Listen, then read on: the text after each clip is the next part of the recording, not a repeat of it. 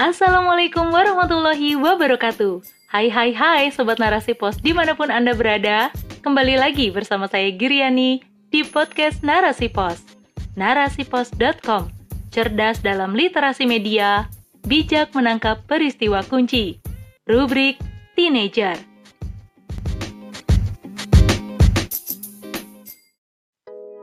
Manusia dan Jedanya oleh Dila Reta. Dan terkadang yang paling banyak tertawa adalah mereka yang menyimpan banyak duka, karena sering kali yang terbiasa menguatkan adalah mereka yang sebenarnya lebih butuh dikuatkan. Tapi sayangnya, tidak semua orang bisa memahami. Hei, pernahkah kalian berada di posisi yang cukup runyam saat pikiran dan nurani tidak lagi sejalan? Mungkin karena sudah terlalu lelah dengan keadaan yang senantiasa mengajak kita menghadapi berbagai macam persoalan. Ingin sekali mengeluh, tapi percuma. Tidak akan ada satu orang pun yang bisa memahami, dan akhirnya hanya diri sendirilah yang mampu menguatkan. Tunggu, tidak, bukan menguatkan, tapi lebih memanipulasi pikiran bahwa segalanya baik-baik saja. Memanipulasi pikiran bahwa bukan hanya kita yang mengalami masalah, memanipulasi pikiran agar raga mampu bersikap biasa, bahkan lebih kejam lagi. Kita dituntut pura-pura tegar di hadapan lingkungan sekitar, hanya untuk menunjukkan bahwa kita kuat. Entahlah, sudah berapa lusin gelas kopi yang kita habiskan untuk melalui hari? Sudah berapa malam mata tidak bisa terpejam karena mencemaskan sesuatu yang bahkan terjadi saja belum tentu. Jadi dewasa itu melelahkan ya. Ya, mau gimana lagi? Kehidupan memang seperti ini. Pasti akan ada saja permasalahan yang terjadi dan harus kita hadapi. Tapi, salah nggak sih kalau kita butuh waktu untuk sendiri? Saat udah ngerasa benar-benar lelah dengan segalanya. Rasanya malas sekali bertemu siapa saja, dengan teman akrab sekalipun. Bahkan, untuk membalas pesan saja rasanya malas. Saat dalam posisi seperti ini, Tolong ya, kalian jangan banyak bertanya, "Kamu kenapa?" Karena dalam situasi seperti ini, kita hanya butuh ditemani, bukan malah diinterogasi. Kalau emang lagi pengen didengar, kita juga pasti akan cerita kok tanpa kalian minta. Jangan malah memberikan tekanan dengan mengajukan pertanyaan-pertanyaan yang kita sendiri juga nggak tahu apa jawabannya. Terjebak dalam sebuah kondisi di mana diri sendiri tidak paham dengan apa yang sedang dirasakan, tidak paham dengan apa yang sedang diinginkan. Katanya, saat mulai memasuki usia 20-an, satu persatu masalah akan muncul ke permukaan. Siap nggak siap, hal seperti itu memang harus kita lalui. Quarter life crisis istilahnya. Kita mulai ragu dengan kemampuan diri sendiri, merasa bingung dalam menentukan arah tujuan hidup.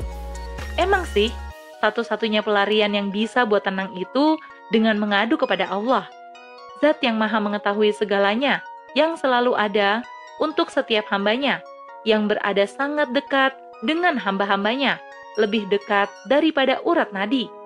Tapi bukannya munafik, karena terkadang dalam situasi seperti ini pun kita bisa lupa segalanya. Benar-benar nggak bisa mikir apa pun, hanya melihat satu permasalahan yang terus menggunung, seolah sedang menempatkan kita di jalan buntu. Jadi, wajar bukan kalau sebenarnya kita butuh orang lain yang bisa jadi support system, yang bisa ngingetin, entah itu keluarga, kerabat, ataupun sahabat. Maka, beruntunglah siapa pun yang memiliki sahabat dalam taat, karena mereka pasti bisa memahami, senantiasa mendampingi, menasihati, dan memberikan solusi yang dapat menenangkan hati. Anyway, untuk menjadi manusia itu nggak harus sempurna kok dengan berbuat baik kepada sesama pun sudah cukup rasanya.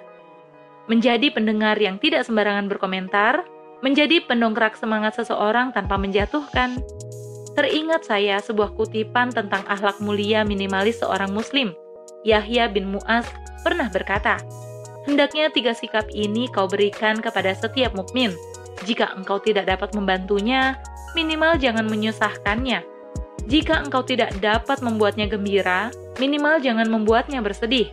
Dan jika engkau tidak dapat memberinya apresiasi, minimal jangan mencelanya. Bukankah kita juga memahami jika setiap manusia itu pasti memiliki persoalan dan butuh jeda dalam menjalani kehidupannya? Meski berada dalam lingkup sosial sekalipun, bukan berarti mengharuskan kita untuk mengabaikan kondisi mental dan emosional personal. Jadi, nggak apa-apa kalau kita menepi sejenak untuk beristirahat dari penat. Bahkan, saat telah aktif dalam sebuah instansi pun, bukan berarti kita harus menghindari dan mengabaikan masalah pribadi. Bersikap profesional memang diperlukan, tapi jangan terus-terusan berkorban ya. Jika memang merasa perlu, istirahatlah dulu. Jangan terlalu memforsir diri agar segalanya tetap bisa terkendali. Tahukah kalian jeda seperti apa yang kita butuhkan? Istirahat seperti apa ya yang kita butuhkan? Ya, benar, kembalilah mendekat kepadanya. Karena barangkali lelahnya kita saat ini karena terlalu larut dalam persoalan dunia lelahnya kita karena terlalu memikirkan dunia yang tidak akan pernah ada habisnya.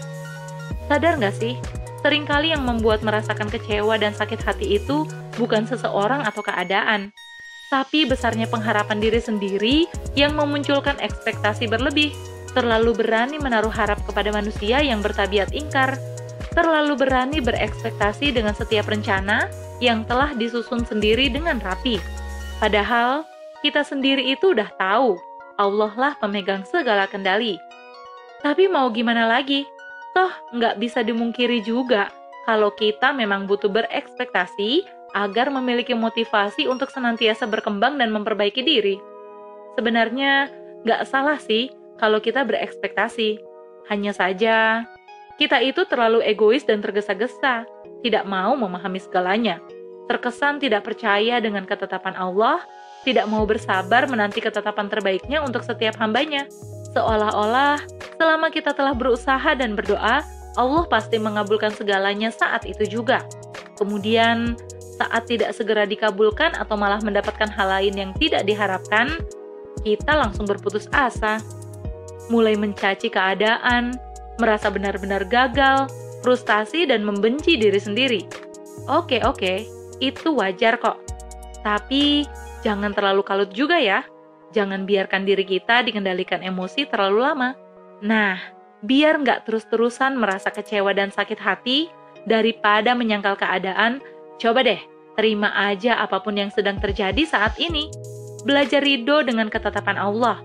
Karena semakin kita berusaha menyangkal, semakin kita berusaha mengelak, itu semakin membuat dada terasa sesak.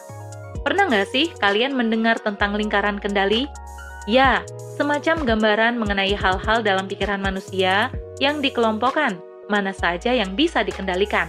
Jadi, kita bisa lebih mengenal batas kemampuan diri sendiri, tidak gampang stres saat masalah datang menghampiri. Takdir yang telah Allah tetapkan saat ini, masa lalu yang telah terjadi, prasangka orang lain terhadap diri kita, komentar orang lain, kita nggak bisa mengendalikan itu semua. Terus, kenapa sih harus kita pusingin? kenapa nggak fokus aja sama hal-hal yang dapat kita kendalikan saja? Tenang, masih ada waktu untuk berubah kok. Perjalanan hidup memang berisi pasang surut. Jadi, nggak apa-apa kalau kita butuh jeda. Tapi, jangan sampai menyerah atau bahkan berbalik arah. Bukankah sedari awal kita semua terlahir sebagai pejuang? Kita harus memiliki keyakinan bahwa hadiah indah tidak selalu Allah tampakkan dalam bingkai bahagia. Karena terkadang Hadiah itu juga diberikan dalam balutan duka berbungkus air mata, teruntuk siapa pun yang mampu bersabar melaluinya. Wallahu a'lam bishawab.